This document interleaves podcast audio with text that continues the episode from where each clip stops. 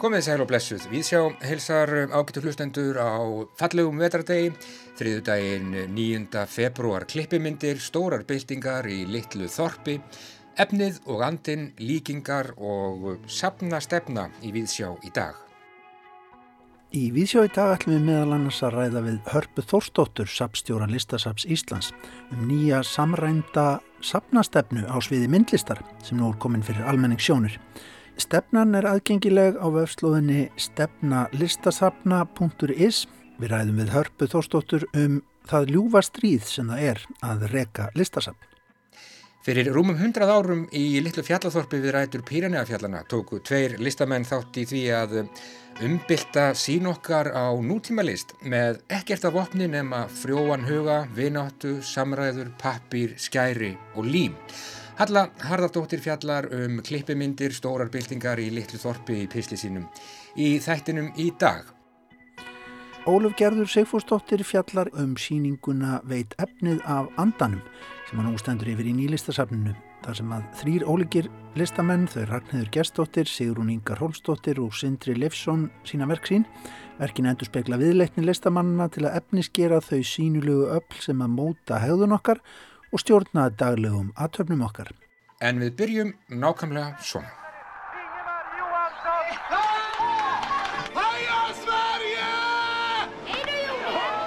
Och tänk på Laika, den där rymdhunden. Henne skickade de iväg med rymdraket och lät henne svälta ihjäl. De hade inte ens vett att skicka med tillräckligt med käk. Jag har faktiskt haft tur, om man jämför. They tell us autumn's coming, soon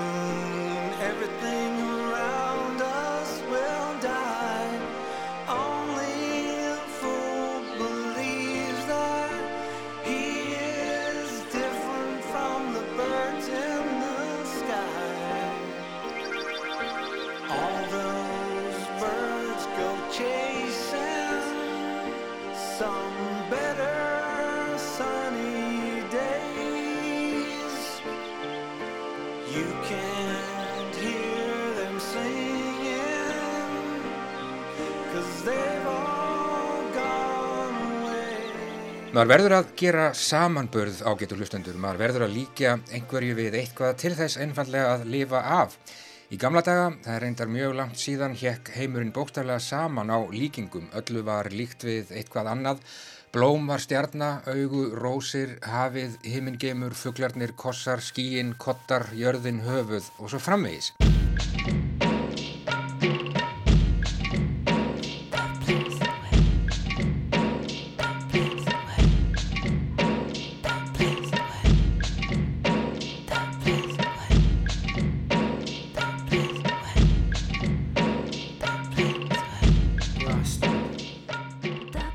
Ef engar væru líkingarnar myndi heimurinn leiðast í sundur. Árið 1985 var frumsynd kvikmyndin Mitt líf som hund eftir sænska kvikmyndarleikstjóran Lasse Hallström sem þekktur var á sínum tíma fyrir að gera tónlistarmyndbönd fyrir sænska stórveldið ABBA.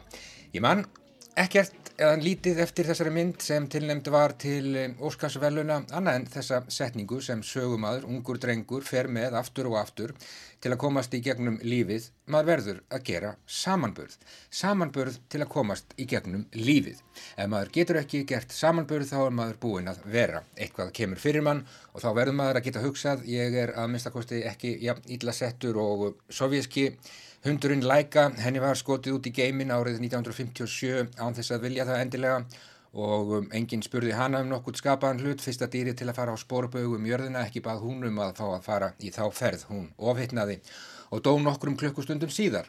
Eitthvað gerist og þá þarf maður að geta sagt þú ert nú ekki eins illa stattur og til dæmis sovjíski geimhundurinn Laika sem kemur við sögum í áðurnemndri kvikmynd nú eða Rakel frænka mín, hún er dáin. Ég er ekki jafn illa stattur og um, rúsneskur stjórnaranstæðingur í gæsluvarhaldi, ég ólst ekki upp í áströlskum sértrúar söfnuði. Ég er ekki jafn illa stattur og frendur minn, hann er dáin, ég minnist hans þegar rignir og hann var engum öðrum líkur. Ég er ekki jafn illa stattur og kötturinn minn, Hann kvarf einn daginn og nú er hann döður. Ég er ekki jafn illa stattur og Jósef Stalin eða Adolf Hitler, þeir eru báðir döður og saminska mín er hrein, að mista kosti svona nokkurn veginn. Ég er ekki jafn illa stattur og rakarinn sem klifti mig þegar ég var barn, hann lendi í bílslýsi og dó. Maður verður að líkja einhverju við eitthvað, annars kemst maður ekki af. Maður bókstala verður að geta rugglað saman kvöldi og lampa, ást og blævæng, spekli og dauða. Dauðin kemur í dögun, hann er í speklinum sem nóttin réttir þér hver borðar ekki morgunverð og fer síðan með sporvagni, með síkarettu í munni og kvöl í brjóstvarsanum. Eina lekningin, samanburður, líking, sjálfur horfi ég á heiminni gegnum leikúskíki, horfi á segurvegar að byggja um miskunni, horfi til heimins og þá strax kviknar líking, stjórnumerkið Órión, hann er hönd mín stígin upp til himna.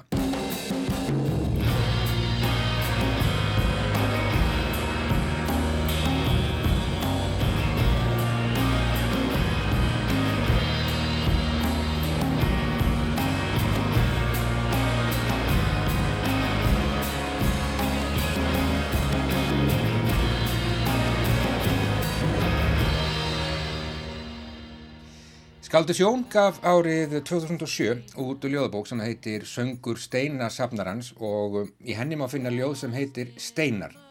Ég hef fengið stein í höfuðið, konan mín fyrirverandi fekk stein í höfuðið að mér ásjáandi, gammal skólabróður minn hefur fengið stein í höfuðið, núna í hátteginu sá ég drikkjufélaga minn fá stein í höfuðið, ég hef séð kött víkja sér undan steini sem stemdi beint á höfuðans, ég hef séð stein koma inn um eldúsklukka og lemda í höfði eldabusku, ég hef séð nöyt drepast á innan við korteri eftir að hafa fengið stein í höfuðið. Læknirinn sem krufði hund domkirkjupressin segist vissum að banamein hans sé stein í höfuðið. Elsti sonur bóndans á bænum þar sem ég ólst upp fekk stein í höfuðið og dó. Ég gekk fram á fjóra steina í aðalstrætinu í gær og þrjá í fyrradag. Ég skrifast á við félaga í samtökum steinafræðinga í Lundunum þegar þeir lesa frásagninu mínar af íslenskum steinum þá efast þeir um að þeir myndu endast dægin í Reykjavík. Ég hef svarað því til að úr því að ég tóri enn hljóti mönnum með þeirra mentun að vera óhætt hér líka.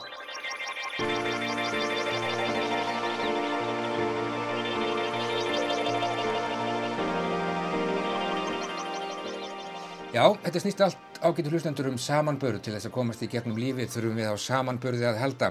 Ljóðið eftir sjón kallar fram í hugan annað ljóð sem heitir Ógnvaldurinn tímin og er eftir César Valvekko frá Peru. Í íslenskri þýðingu Jóhanns Hjálmarssonar segir meðal annars Allir eru dánir, Donja Antonia er dáin, hásakonan sem bakaði ódýrasta brauð Þorpsins, unga ljósherðastúlkan hún Karlotta er dáin og skildi eftir sig þryggja mánuða són og hann dó líka átta dögum síðar. Ræjó, hundurinn minn, er dáin, hann sem var jafn stór og ég, einhver flegði í hann steini. Hljóðfærleikarinn Mendes er dáin, hávaksinn og oftast blind fullur. Hann sem leik sorglegar tokkutur á klarinettinu sína svo að hænurnar í þorpinu sopnuðu löngu fyrir sólsetur. Eilífleiki minn er dáin og ég vaki yfir honum. Já, samanbörður ágættu hlustendur, maður verður að geta borið hlutina saman auðvitað lítið guðum sem er ekki til, komdu sagði hún, dokaðu við, hlæðu svolítið, deyðu sagði hún, ég hef komið, dokað, hleið og dáið. Ég tala aðeins þegar vindurinn blæs, veðrið er mjölkur blátt og hvít og kemst í gegnum lífið á samanburðinum einum saman. Dauðin kemur í dögun, hann er í speklinum sem nóttin réttir þér. Þegar það gerist verður tilbúin með líkinguna. Ég líki augnablikinu við það að vera Ordagsins í dag er samanburður. Och tänk på Laika, den där rymdhunden. Henne skickade de iväg med rymdraket och lät henne svälta ihjäl. De hade inte ens vett att skicka med tillräckligt med käk.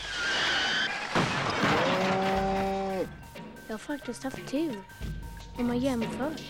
The place where I stand gives way to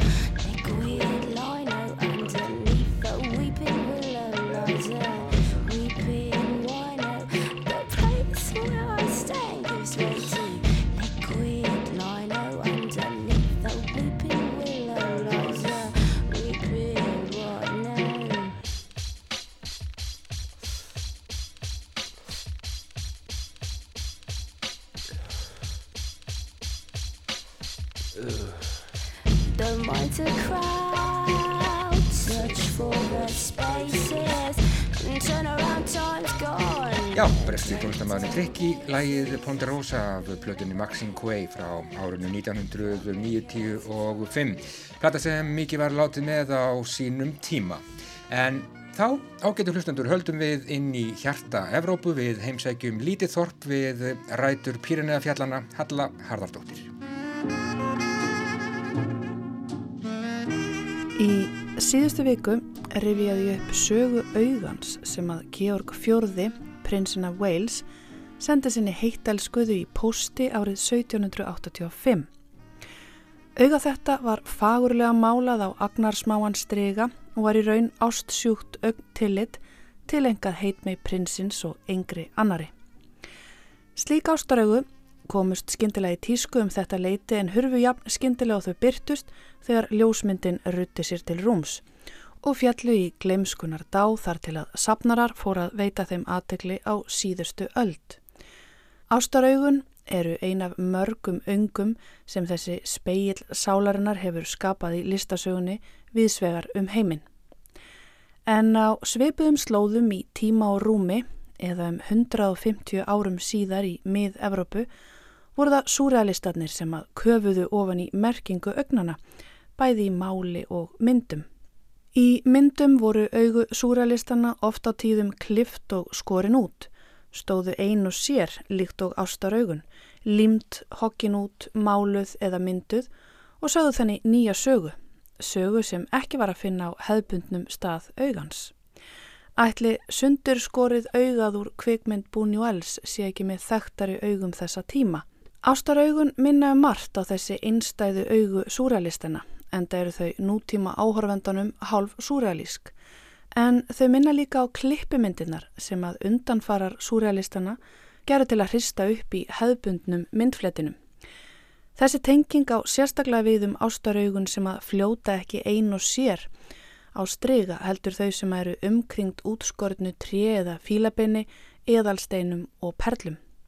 Slík ástaraugu minna um margt á klippumyndir framúrstefnulistamannana sem að settu saman hverskins hverstaslega hluti til að segja sögur á nýjan máta. Og þessi aðferð framúrstefnunar við að segja frá í formi klippimyndar átti stóran þátti því að breyta gangi listasögunar við uppaf mótinismans í vestrætni myndlist. Klippimyndin sem slík, það að klippa og líma saman myndir til að segja sögu, er auðvitað æfa formt handbráð og uppaf þess hefur verið rakið til Kína. En flestum listfræðingum kemur saman um að uppaf klippimyndarinnar þeirrar er hafði stórkosleg áhrif á þróun vestræns myndmáls á 20. öld, meir ekki til samstars tveggja franskra listamanna, þeirra George Braque og Pablo Picasso. Og í þeirri sögu leikur lítið þorp í Pýrnafjöllum nokkuð stórt hlutverk.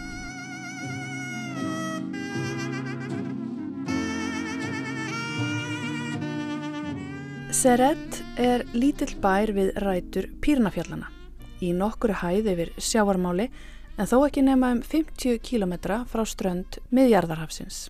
Í hlýðunum um hverjus bæin vaksa kissuberatrén sem að þorpið dregur napsitt af og gefa hlýðunum bleikan litað vori. Í fögurum aldagamlu miðbænum er að finna allt sem að franskir smábæir bjóða upp á. Torg til að setjast niður á, veitingastað, kaffehús, bakari og posthús. Og þrátt fyrir smæðina er þar líka að finna litla tónleikastaði og nokkuð gott listasafn með verk eftir þekta evrópska framústefnulistamenn. Ástæðin er svo að listamenn hafa lengi vel dreyjist á þorpinu sem að býður upp á einangrun ekki langt úr alfara leið og fegurð til allara átta. Við uppaf ásins 1910 ákvað hópur katalónskra listamanna að flytjast til fjalla og varð serett fyrir valinu. Í hópnum var Manolo Hugué, skultúristi frá Barcelona og vinur Picasso. Góðalífið í fjöllunum barst spænskum vinum í París til Erna og árið síðar kom Picasso til að eigða sumrunu í Kirsuberjathorpinu. Hann var ekki einn. Í för með honum voru ástkona hans, Fernand Olivier og franski málarin George Braque. Picasso átti eftir að dvelja þarna fleiri sömur með fleiri listamönnum sem að síðar hafa komist á spjöld sögunar. Margir flúðu til fjalla þegar fyrir heimstyröldin braust út og sömur þeirra sneru aldrei tilbaka. Þegar heimstyrjaldin síðari svo skall á fluttu fleiri listamenn til Serret þeirra á meðal Tristan Tzara og Marc Chagall. En sumari 1910 var það kuldin og fátæktin í borginni sem fekk Picasso og félaga til að halda til fjalla. Félaga sem að þá þegar voru í mikilli tilraunamennsku með málverkið og orðnir þekktir í París sem kúpistarnir. Í Serret var lífið innfaldara og ódýrara og maturinn og loftið betra. Fjallalífið snýrst þó ekki um einangurinn í tilfelli ungu listamannana Picasso og Braque sem kvöttu hvor annan áfram í tilraunamennsku. Ekki bara við að brjóta upp myndflöt málverksins í anda kúpismanns, heldur líka við að vika hann út með hverstaslegum hlutum. Picasso voru hlutir úr hversteginum allatíð hugleiknir í sinni sköpun. Til eru klippur úr dagblöðum frá 1899 sem hann sapnaði og einhverjar þeirra limti hann inn á skissur svo að hugurinn fór snemma að leita út fyrir málverkið. En það var ekki fyrir nýsa redd sem að þeir félagar fór að líta þessar vinnuaðferðir sem listaverk í sjálfu sér. Þeir byrju á því að líma stafi, klifta úr dagblöðum inn í málverk. Ekki bara til að vekja aðtikla á dagblöðum sem að þeir höfðu jú mikið dálæti á, heldur til að draga aðteglega streganum sem tvíviðum hlut. Sagan segir að sumarið 1912 hafi Brakk verið að vinna að málverki af gítar þegar hann rampaði inn í hjárnmöruverslun þar sem að veggfóður og hillupapir með ímiskonar áprentuðu minstri var til sölu. Brakk keipti papir með áprentaðri viðaráferð og þegar heim var komið limtan papirinn á gítarin í málverkinu. Í stað þess að mála viðinn notaði hann veggfóður. Og þessi hverstaslega aðtöfn er ein af stóru stundum listasögunar. Þó svo að ungi maðurinn sem að fekk hugmyndi í járnveruverslun í fjallathorpi hafi sjálfsagt ekki átt að sjá mikilvægi stundarinnar. Sennilega hefur hann röllt yfir á næsta kaffihús og hitt vinsinn stuttu síðar sem að deildi svo líklega með honum svipuðum tilrunum. En það skapandi samtal sem að vinirnir áttu, þetta sumar í Seret, með skærum, allskins pappir og lími, er talið vera upp af klippimyndarinnar sem oftast er nefnd collage eftir franska orðinu koll sem þýðir lím. Verkið uppstilling með stól frá árinu 1912 þar sem að Picasso límir hillupapir inn í kúbíst málverk og umvefur svo allt verkið reypi er talið marka tímamót í þessu ferli. Hér, líkt og í öðrum kúbískum verkum, er ekkert eitt sjónarhorn, heldur mörg. Við erum á kaffhúsi, vinglasið, pípan, sídronan, nýfurinn og dagbladið eru brotinu upp en undir málverkinu sjáum við hillupapirinn með opnu táaminstri líkt og í sessum kaffehúsastóla þess tíma. Við vitum í hvað rými við erum en enginn sér veruleikan á sama hátt. Í klippumyndunum voru fyrirmyndinar oftar en ekki úr hversteinum, líkt og reyndar líka í uppafi kúpismanns. Hljóðfæri, dagblöð, pípur og tópak, spilastokkar, vínflöskur og glös, stólar, borð og konur. Og hlutirnir sem límdur voru á flötin voru líka hverstasleir í raunveruleika sínum. Fyrst var það hillupapirinn sem að bættist við tvíviðan flötin, en síðar voru það allskynns efnismeri hlutir. Þannig varð málverkið sem hafði reynd eftir bestu getu frá því á tímum endurreysnar að herma eftir raunveruleikonum með því að mála þrývíðan veruleika á tvívíðan flöt, þrývítt og skulturist í nánast einni svipan. Á sama tíma urðu mörkin á milli fyrirmyndar og eftirmyndar eða raunveruleika og eftirmyndar óljós. Hvað var satt og hverju var logið og hvað var list og hvað ekki? Var jafn ómerkilegt efni og hillupapir norðina list og jafn ómerkileg yðjá að klippa át myndir úr dagblöðum norðin viðurkjent ferli í listsköpun. Var það ekki eitthvað sem allir gáttu gert? Af hverju er hinn mikli meistari málaralistarinnar sem hafði umbylt málverkinu með dömunum frá Avignon árið 1907 farin að nota fábrotin hillupapir til að miðla hugmyndum sínum? Kanski vegna þess að listin er ekki aðeins handverk og leið til að endurgera heiminn, heldur líka heimsbyggi. Allar þessar stóru spurningar sem að nútíma list glýmir enn við í dag er að finna í samtali þeirra félagi sér rétt. En það var sagan af þessum nýju ókunnuðu lendum listarinnar ekki lengi að fljúa til Parísar og þaðan áfram í aðrar listamiðstöðar álfunar. Í París var Juan Grís á kafi í kúbiskum verkum og haustið 1912 Sýndan sínar fyrstu klippimyndir þar sem hann límdi glerbrott í málverkið. Á svipum tíma voru fúturistannir að prófa sig áfram með nýform á Ítalju. Eitt þeirra, Umberto Boccherini, skrifaði brefi til vina síns í París. Findu allt sem þú getur um tilraunir Picasso og Braque. Aðtúaðu hvort að til séu ljósmyndar af verkunum og reyndu að kaupa eitt eða tvö verk. Sendu mér allt sem þú getur. Fyrir á því sama ári hafði Boccherini ritað stefnu yfirlýsingu fúturistina þar sem hann kallaði eftir því að listin fjarlæði sig helgisleipinni sem hún vildi svo oft kenna sig við. Nauðsilegt væri að komast undan hinnum æðri formum og efnum, svo sem marmara og bronsi, og horfast í augu við að fleiri en eitt efni í einu kemur til greina við gerð högmynda. Listamenn ættu þannig að nota gler, pappir, við, efni, steipu, spekla, leður, rossár eða hvað sem þeim ditti í hug. Ekkert efni væri öðru æðra. Hér er listamæðurinn að hugsa það sama á félagarnir í Serett, nefnilega það að listin eigi að vera hluti af lífinu en ekki hluti af heimi fára útvaldra. Sumir hafa bent á að þessi þörf listamanna við upphaf síðustu aldar þarfum fyrir að klippa út, skera og líma, umbreyta sjónarhornum og búa til eitthvað nýtt úr því sem að vanalega var tali vera ekkert sé afsprengi tímana sem að þau lifðu. Tíma ótrúlega hraðra breytinga, umbreytinga á landslægi og samfélagi og í raun breytinga á sjálfum tímanum. Innvæðingin hafði gjör breytt öllu tempói og um alla álfuna spruttu upp hópar listafólks sem vildu umbreyta listinni með lífinu og lífinu með listinni. Kleipimyndin fór eins og eldur í sinu um alla þessa framúrstefnu hópa og virðist alltaf hafa fundið ljómgrunn, kannski að því að hún gatt umbreytt hinnu hefðbundna.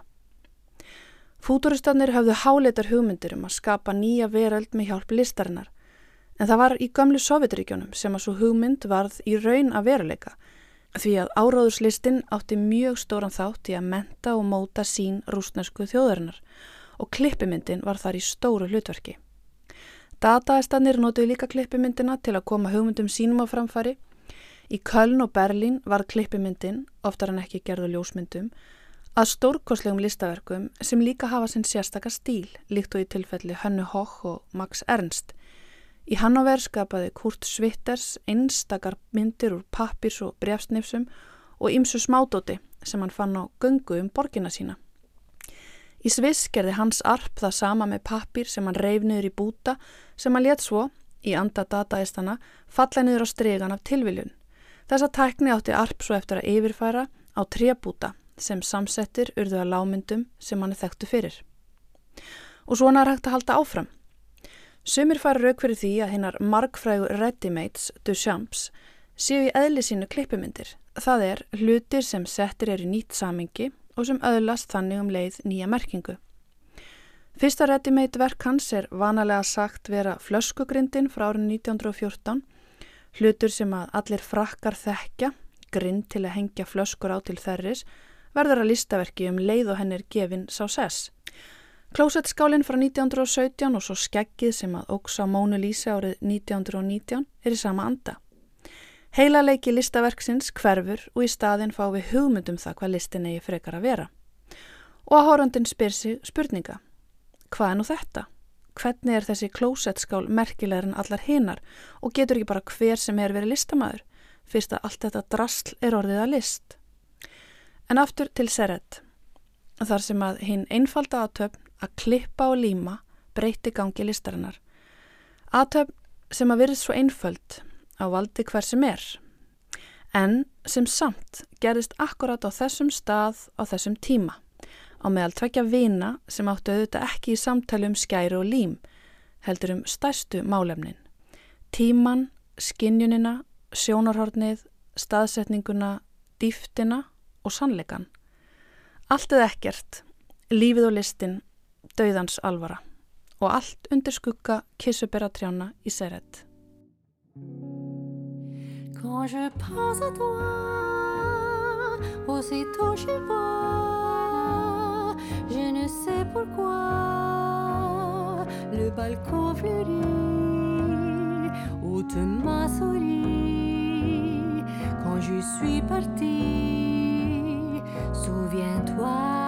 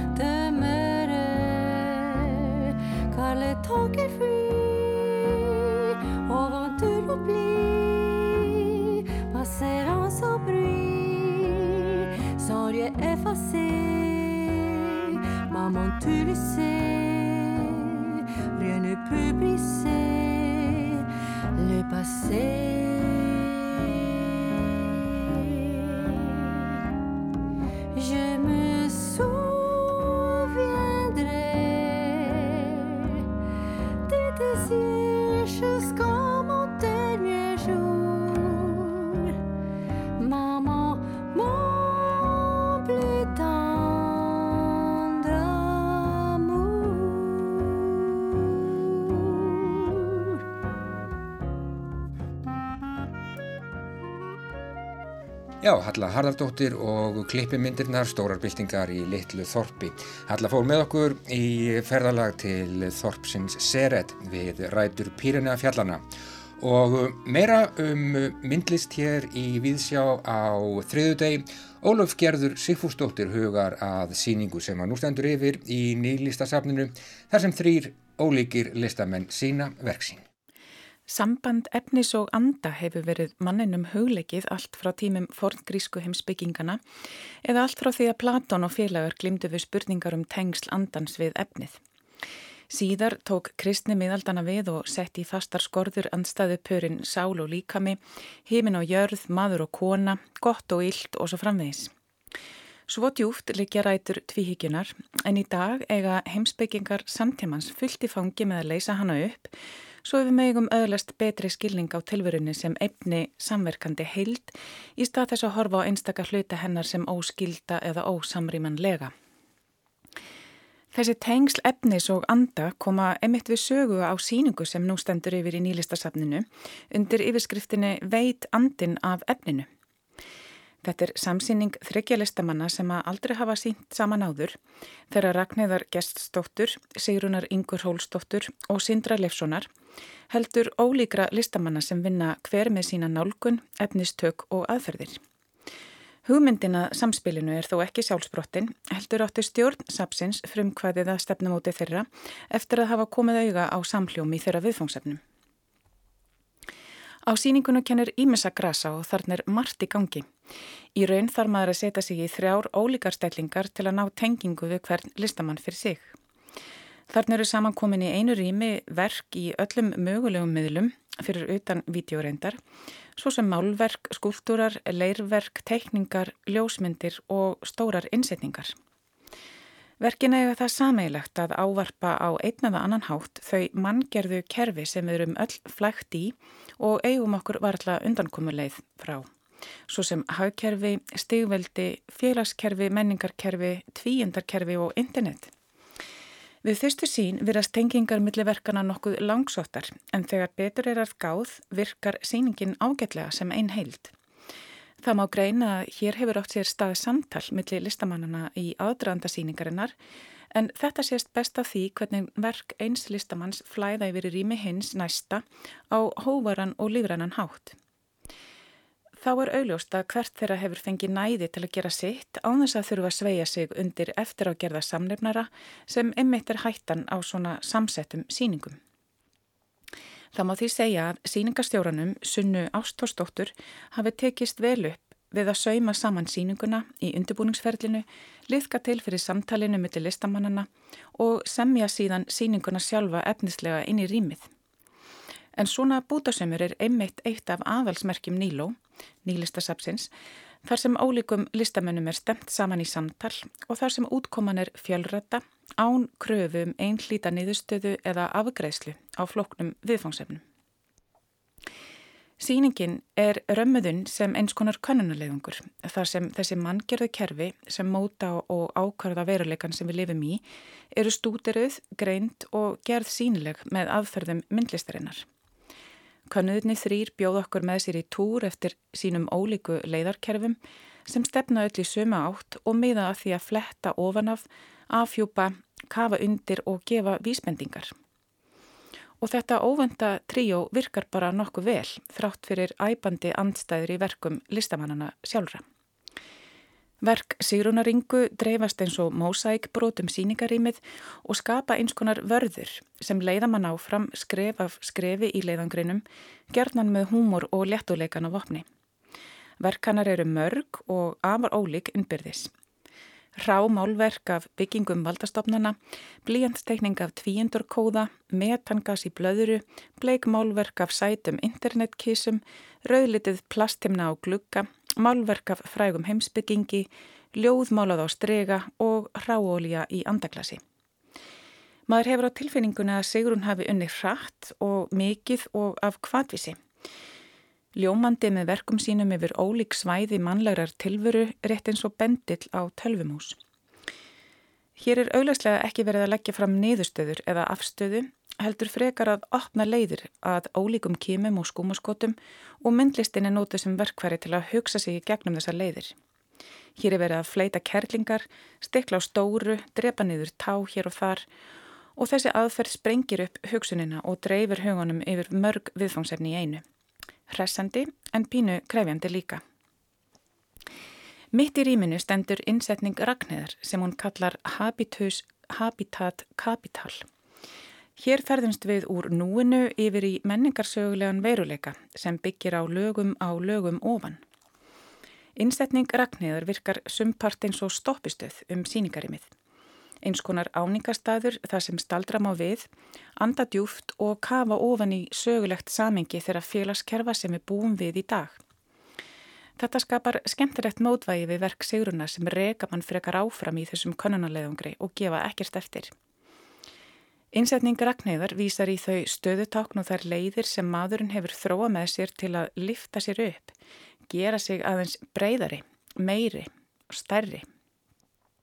Þetta etnis gerist í ólíkum einingum innsetningarinnar sem samanmynda eina þjætta og fagufræðilega heild. Verkið samanstendur af ketilbjöllum úr leir sem standa á undirlagi úr vaksi, sem aftur stendur á stöppli, miniatúr af baktjaldi af ljósmyndastofu, ljósmyndum teknum á sömu ljósmyndastofu en eru nú í eigu þjóðminnesapsins, undurstöðu fyrir stöpul úr vaksi og svo hefur Ragnæður átt við stöplana sem verkin sitja á þannig að þeir sjálfur verða mikilvægur hluti af verkinu. Hér hafa stóru kerfin verið hugsuð í gegnum efnið, í gegnum handverkið, endurtekninguna, litapalettuna, skalan, fjöldan og efnisáferðina. Innsetningin vekur upp spurningar um hver mótar hvern og hvaða leiðir við höfum komið okkur upp til að leika á kerfin sem móta okkur, til að verðast herri, betri, stærri. Þannig benda einstakir hlutarverksins í kross og vinga glettilega yfir til hvers annars. En þeir benda líka á sapnið sjálft sem umlikur þá. Þeir benda á fyrirmyndirnar sem þeir eru afreit af, benda á hlutin sem er ekki hluturinn sem hann verist vera heldur eitthvað annað í saminginu sem hann er lendur í. Og verk þriðalistamannsins halda síðan öllu saman án þess að þrengja að verkum hinn að tveggja. Verk Sindra sem einingus eru tvö á þessari síningu eru stór, fyrirferðarmikil og efnismikil og mynda skálínu þert yfir rýmið horn úr horni. Verkin sitja í rýminu eins og eins konar útverðir í þessum leiðangri og passa að maður villist ekki af leið.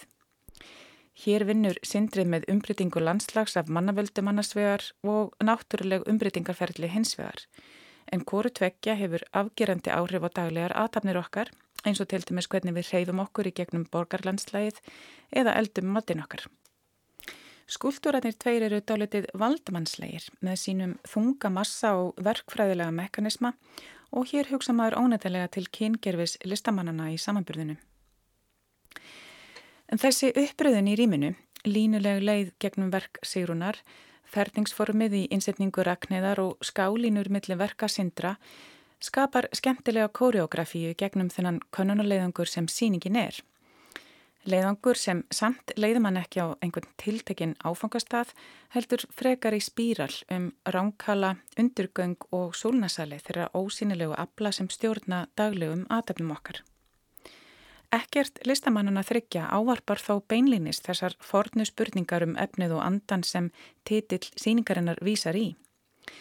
Þar eru hvað sem er orðnar pínu þreyttar og klísukjandar þessar spurningar og þá virkar vel þessi leið sem farin er að spurningunum að glefsa í þær, búa til krækjur, opna upp leiðir og varða leiðina í átt til frekari spurninga fremur en svara.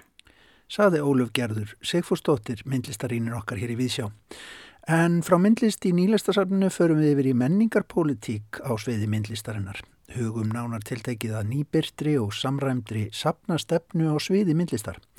Þetta nýja menningarpolítíska plagg er aðgengilegt á vefsíðunni stefnalistasapna.is en undanfarið hefur höfuðsapn landsmanna á sviði myndlistar Listasapn Íslands haft frumkvæði að rítun stefnunar. Við hittum sapstjóra Listasapns Íslands Hörpu Þórsdóttur fyrir í dag til að ræða þessa vinnu en stefnunni fylgir harpa og hlaði í ávarpi undir fyrirsögninni Rekstur Listasaps er indælt stríð. Það lág þessuna beint við að spyrja fyrst út í þessa staðhæfingu. Í anda góðrar listsköpunar þá er þetta náttúrulega fengið að láni, bæði góðu maður hér út í bæ sem að bendi mér á þessa ágæti yfirskrifti sem hefur nýst mér vel. Eh, Þetta er orð Guðlaugs Rósinkrans sem æfið sagði hans sem var gefin út eftir að hann hafið starfað sem þjóðlíkustjóri. Þetta er indalstríð að reyka menningastofnun. Í stríði eru, já, það eru fylkingar og það getur bröðið til begja vona og það eru sigrar og það er kannski tap en það er alltaf einhverja stefna og, og það er þetta indala stríð. Við megum ekki láta bugast og þetta er alltaf mikla áskoranir. Sko samrænd stefna listasafna, þið hjá listasafni Íslands eru höfuðsafn á sviði myndlistar. Er þetta í fyrsta skipti sem er farin þessi leið að, legg, að leggja upp samrænda stefnu þeirra safna sem að snúa að myndlistinni? Já, þetta er semst í samræmi við uh, lög sem voru sett fyrir nokkrum árum og tóku gildi 2013 að þá er höfuðsöfnum, þessum þremur höfuðsöfnum, sviði myndlistar, á sviði menningar arleðar, þjóðminnisaps og svo sviði náttúruminja, náttúruminjasafn. Eh, okkur sagt ber að búa til eh, stefnu og þetta hefur svo sem verið gert áður þjóðminnarsafni hefur unni sína stefnu nokkur sinnum, trís og sinnum í, í samfunnu við þá byggðasöfnin í landinu.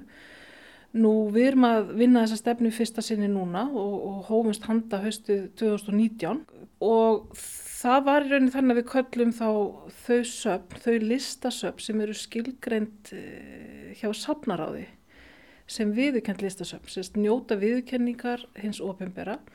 Uh, þau í rauninni eru söfn sem að við erum höfuð yfir uh, í þeim skilningi að við erum að veita þeim ákveðina ákveði svona faglega ráðgjöf og ímislegt svo í okkar starfi sem að auðvitað er það sama.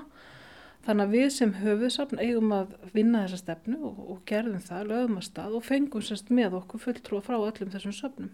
Nú okkar menningararfur er myndlistinn þannig að það er náttúrulega okkar aðgreining og svo eru, svo eru sem myndlistasöfn meira svona sérgreind út frá sinni safning. En listasafn Íslands er sem, sem þjóðlistasafn, það er það höfuðsafni og það er ekki sérst af, af Íslenska ríkin og er svona eina af okkar elstu menningastofnun líka. Sko við þurfum dálítið að tala sama tungumálið, hluti þurfa að vera gagsægir. Þessi stefna ber þessi merki. Hún er svona ákveðin grunnur að uh, okkar starfsemi. En uh, óneitarlega eru þarna inni líka svona örfandi og, og svona kvatarík uh, skilabóð til eigandasafnana, ekki síður. Það eru söp geta verið í eigu, geta bæði verið sjálfsegnastofnir eða í eigu sveitafélag, ombur söp, eða þá í eigu ríkisins líka. Það er ekki bara listasafn Íslands, það eru fleiri söpn og listasöfn sem að ríkið á og reykur. Þið farið síðan að stað hösti 2019 eru svo að ganga frá þessum texta held ég bara eftir áramótin, ég menna það breytist allt þarna fyrir áru síðan. Sko, Já. eh, hvernig er það að koma með þetta inn í þessa skrýtni tíma? Eh, Hefur þetta verið kannski ágætist tími til þess að fara yfir hlutina og, og skoða hún í kjölina eða hvað? Já, ég held það sko. Ég, við vorum verið tilbúið með markmiðin okkar. Vorum með fundi, s- svona rínihópa og þá var farið sérst til allra og ég söfnunum og unnið svona dæmigert stefnumótuna plagg og svo gerðum við netkannar líka og sendum til hagaðila sérst viða í samfélaginu kennara sem kenna myndlist og myndlistamanna, er félag samtaka myndlistamanna og fólkina stjórnsýslunar ríkisins og sveitar hérna, stjórnastíðinu líka. Þannig að fólk á svona margir hafa ávæning af því að við vorum að vinna þessa sérstöku stefnu. En um, svo kom COVID og það var í sjálfu sér, uh, sko, segir okkur það að það er mikilvægt og þurfa öll söfn að, að uh, horfa dóltið sko, og, og spyrja sig um tilgang. Það er bara eðlilegt. Og ég held að COVID hafi, þessi tími hafi skert í okkar huga uh, það að við þurfum alltaf að vera mikilvæg fyrir okkar samfélag. Við erum, vissulega erum við uh, hérna, stopnarnir eða erum staðir sem að uh, erlendi gestir eða gestir sem koma til landsins skoða og heimsækja en við erum ekki, við erum fyrst og fremst til fyrir okkar samfélag. Auðvitað vitum við það og, og við erum náttúrulega mjög stolt af, af því hversu bara vel uh, bæði myndlistamenn og, og listunnendur og skólar og áhuga fólk um myndlist og, og um menningu hversu bara vel fólk sinnir okkur, heimsækir okkur og sínir áhuga á, á, á, á listasögunni en þetta voru erfið tímar fyrir marga tekjufall náttúrulega eins og annar staðar í, í menningunni var staðrind hjá mörgum. Það þurfti að reyfa eða færa til verkefni sem að getur haft ákveðna aflengar hinnlega þarf að hætta við e, síningar fækka þeim.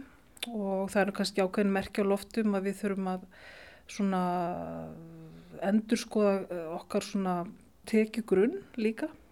Þannig að, að við þurfum alltaf átt okkar á því að það kostar að reka þessar stofnanir. Þú nefnir markmið uh, í stefnunni og það er fórveitnilegt að heyra það að, þið eru búin að fókusera eða, eða já, ytta niður nokkra hluti sem leggja áslá og hver eru skilabúðin?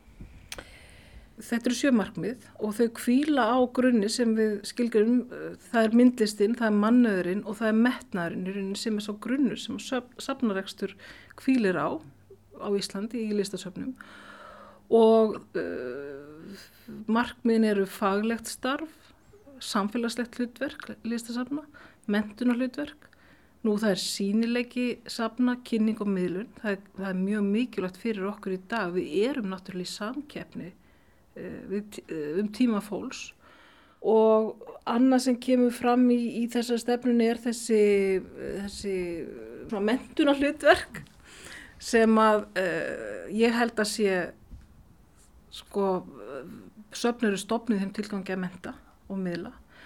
En við sjáum að kannski geti söfnin orðið meiri hluti af mentakerfinu orðið hýst betur og, og, og, og ríkar í rauninni e, það sem að við varveitum sem er náttúrulega eins og í tilviki listasafna, þessi menningararfur. Hann getur verið eins og í listasafni Íslands, þá voru við eigum uh, hérna íslenska listasögu nánast frá upphafi uh, íslenska listasögu við, við teljum hana svona þegar að myndlistalíf hefst á Íslandi uh, og við erum þessu umkomin að geta bæði lánaður um listasöfnum mikið að verkum til þess að, að, að búa til góða miðlun gegnum þessa sögu. En svo erum við líka með listasöfn á landsbyrni sem að geta skýrskota til e, síns byðalags þeirra listamennar sem þar eru sapna þeim eða sínt þá. Þannig að í rauninni er mentun og hlutverki söfnum getur verið gríðarlega fjölþætt og svo sjáum við líka það sem við tengjum í þróun.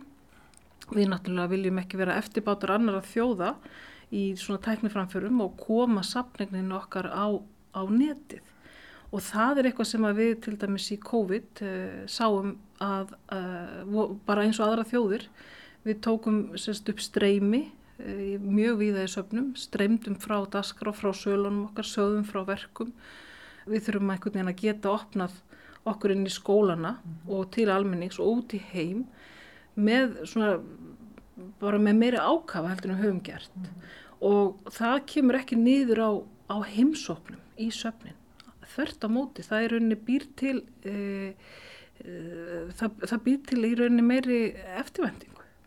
Listasöfnin eru e, speil samtíma og það á líka við um hvernig þú miðlar myndlistinni. Og þar væri náttúrulega óskandi við getum nýtt okkur tæknina bara með svona mun frjálsari hætti og, og, og, ofti er tala um gagvirkar síningar og slíkt og það er auðvitað mjög spennandi en, en hérna þróun getur líka verið í viðbyrðahaldi, það er svona nýstálega leiðir til að til að svona fá fólk inn á söfnin, þetta er að nefna uh, hérna svona íhugunar leiðsagnir eins og hérna hafa verið í listasafni Einars Jónssonar. Það er hluti af þróun í sjálfu sér. Þegar þú svona skoðar hvað vil samfélag, veist, hvernig, hvernig svarar þetta aldrei kallið samfélagsins nú rannsóknir. Það er eitt af því sem er daldið samóðu þessu mentunar hlutverki og vera alltaf vakandi yfir því að, að uh, miðla með þeim hætti að, að bæði hafa þá til fræðasamfélagsins en líka til almennings. Þannig að uh, rannsóknastarfi í söfnum er mjög stór þáttur þó að sé kannski ekki alltaf nógu sínilegt og það er eitthvað sem við þurfum að gera bragabút á. Og hvað sjönda markmið er sérstað og samstarf. Það er náttúrulega þessi, það er alltaf það er alltaf mikilvægt uh, þetta með samstarfi, við getum átt samstarfi okkar á milli en við hefum líka samstarfi við aðra menningastofnanir, við aðra stofnanir í kringum okkur. Alþjóðlegt samstarf, það er mjög brínt fyrir okkur að, að passa upp á það líka. Og hættan kannski svo í COVID að fólki finnst óþarfi að, að hitta mann og annan, það er bara að fara á netið. Mm. Við vitum að svo er ekki og það þarf alltaf að vanda til sliks. Nú samstarf getur líka verið síningasamstarf og, og þar erum við mjög duglega söfnin að, að vinna saman. Já og svo er náttúrulega þessi sérstað sem að, sem að hérna þessi sko uh, já þetta, þetta svona lifandi hlutverk listasafnuna sem er, er oft uh, svona myndlistin býður okkur upp á bæði speil og, og tólkanir sem er mjög mikilvægt að við lærum að, að meta og og skilja og, og notfæra okkur. Og það eru náttúrulega síningar samtíma listamanna sem er gríðarlega mikilvægt. Og í rauninni þá finnst mér að fólk ætti doldið eiga við sig að það er allt í góðu að, að lesa hérna nýjútkomna skáltsugur en það er ekki síðu mikilvægt að fara og skoða síningu á nýjum verkum samtíma listamanna og bara hérna alveg mikilvægt að í leikús mm -hmm. menninga sinna fólk þú, þú verður að fylgjast með það sem samtímalistin er, að, er í raunin að færa þér vegna þess að þar er yfirleitt eh, verið að já, spyrja spurninga og kveiki okkur Nú, eftir höfðunum dansanlimitir, það er að segja, þeir eru náttúrulega hérna, eins og segir höfuðsapn yfir á Íslandi yfir, yfir hérna, þessu og hafið frumkvæðum þess að sapna stefnu. Nú gerir maður samt ráð fyrir að það er mjög mikil aðstöðu munur í þessu kerfi sapna um víðum land að því að hérna, þau eru á öllum stærðum og gerðum sko, sko hvernig, hversu svona heilstætt er þetta kerfi ef við horfum yfir myndlistarsöfn á Íslandi e, og, og, og, og hvernig kemur að því að að dansa með? Það er nú algengara en ekki að okkar söfn eru í eðlisinu oft litlar stofnanir við tölum stundum um einmenningssöfn og það er nánast, það er nánast þannig á, á mörgum stöðum. Eh, svona stefna er náttúrulega, segir okkur töluvert um það hvaða er að, að vera safn í dag og það er bæði ábyrð ef að eh, hérna, þá að eh, byggja upp safn, það fylgir því töluvert ábyrð. Nú aðstöðumunur, ég held að sko, við viljum heldur ekki að söfni séu allir eins og það er ekki markmið sjálfur sér eitt safn ef að það, eh, hérna, þau eigi alltaf að vera ykkur um starðarskala sem að gefi þeim þá meira eh, réttherra réttherri stöðu. Við meðum líka að passa okkur á því. Við erum lítið samfélag. Staðrendin er svo að listasöfn í samfélagum eru óbáslega mikilvæg og þá er ég að tala um það getur verið lítið samfélag á, á stað sem að sækja til sín uh, bæði ferðamenn og, og, og fólk sem er stolt af, af uh, því sem að uh, staðurinn býður upp á. Og þar eru listasöfn oft sem menningastofnarnir, fyrstu stofnarnar að festa rótum og skapa ímynd og, og svona ákveðina, hvað maður segja, draga fólk til sín.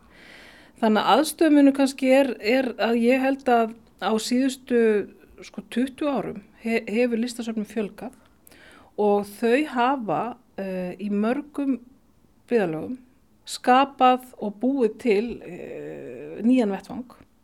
Og mér dettur í huga að segja að það hefur verið metnafullt starf í listasafni árnesinga um langt árabil.